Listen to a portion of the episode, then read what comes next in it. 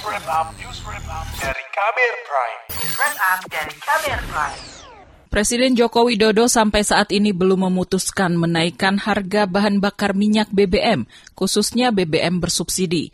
Ia mengatakan harga BBM subsidi menyangkut hajat hidup orang banyak, karena itu harus dihitung dampak terhadap masyarakat, terutama terkait inflasi atau naiknya harga-harga barang, serta tingkat daya beli masyarakat. Meski begitu, pemerintah terlihat serius dengan rencana menaikkan harga BBM. Keseriusan pemerintah ini terlihat dari munculnya program bantuan sosial baru ke masyarakat.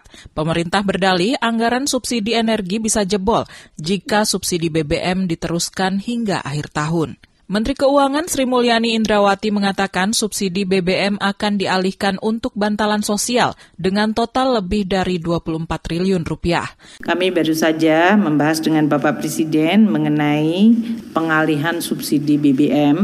Jadi dalam hal ini masyarakat yang akan uh, mendapatkan bantuan sosial dalam hal ini di dalam rangka untuk meningkatkan daya beli mereka terutama karena dalam beberapa waktu terakhir memang tendensi dari kenaikan harga yang berasal dari pengaruh global memang perlu untuk direspons. Sri Mulyani mengatakan bantalan sosial ini diharapkan dapat menjaga daya beli dan mengurangi tekanan kepada masyarakat, terutama kalangan menengah ke bawah. Pemerintah memilih untuk memberikan setidaknya tiga skema bantalan sosial untuk pengalihan subsidi BBM, yakni bantuan langsung tunai atau BLT, bantuan subsidi upah atau BSU, dan dana bantuan tambahan perlindungan sosial untuk sektor informal. Jadi total bantalan sosial yang tadi ditetapkan oleh Bapak Presiden untuk bisa dieksekusi mulai dilakukan pada minggu ini uh, adalah sebesar 24,17 triliun rupiah. Ini diharapkan akan bisa mengurangi tentu tekanan kepada masyarakat dan bahkan mengurangi kemiskinan namun skema yang dibuat pemerintah ini dinilai tidak akan membendung peningkatan kemiskinan di masyarakat jika BBM subsidi tetap harus dinaikkan. Badan Pusat Statistik BPS mengingatkan pemerintah mengenai ancaman melonjaknya warga miskin akibat kenaikan harga BBM subsidi nanti. Kepala BPS Margo Yuwono mengatakan, jika merujuk pada momentum kenaikan harga BBM tahun 2005, angka kemiskinan naik dari hampir 16 persen menjadi 17,7 persen di tahun 2006, dengan jumlah orang miskin meningkat dari 35 juta jiwa menjadi 39 juta jiwa.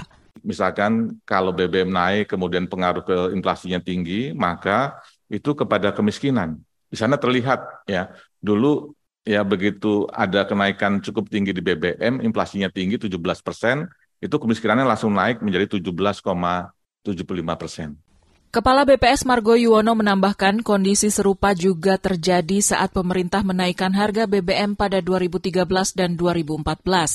Kala itu, jumlah orang miskin meningkat dari 28,07 juta jiwa di Maret 2013 menjadi 28,59 juta jiwa pada Maret 2015. Kalangan parlemen juga meminta pemerintah memikirkan dampak menaikkan harga BBM subsidi.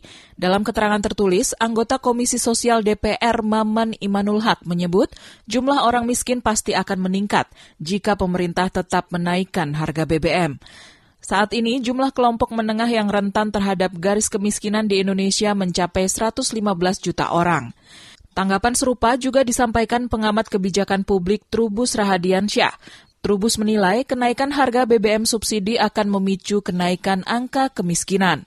Menurutnya, jika harga BBM naik, maka bisa memicu inflasi dan menurunkan daya beli masyarakat. BBM contoh misalnya pertalit naik dari 7.800 atau 8.000 lah kasarnya menjadi 10.000 maka tingkat inflasi kita akan mencapai di kisaran 8 sampai 9 persen, Mbak. Begitu. Jadi 8-9 persen ini maka yang terjadi adalah semua harga mahal dan di sinilah kemudian dampaknya efek dominonya adalah munculnya kemiskinan ekstrim yang yang masif gitu. Trubus Rahadiansyah mengatakan naiknya harga BBM akan berdampak pada banyak hal, mulai dari tekanan terhadap daya beli masyarakat hingga sektor ketenaga kerjaan. Tidak menutup kemungkinan para pelaku usaha bakal gulung tikar karena tekanan perekonomian yang silih berganti. Trubus mendorong pemerintah memberikan bantalan sosial dalam bentuk barang agar lebih tepat sasaran dan dirasakan manfaatnya oleh masyarakat. Demikian laporan khas KBR, saya Astri Yuwanasari. Kamu baru saja mendengarkan news wrap up dari KBR Prime. Dengarkan terus kbrprime.id, podcast for curious mind.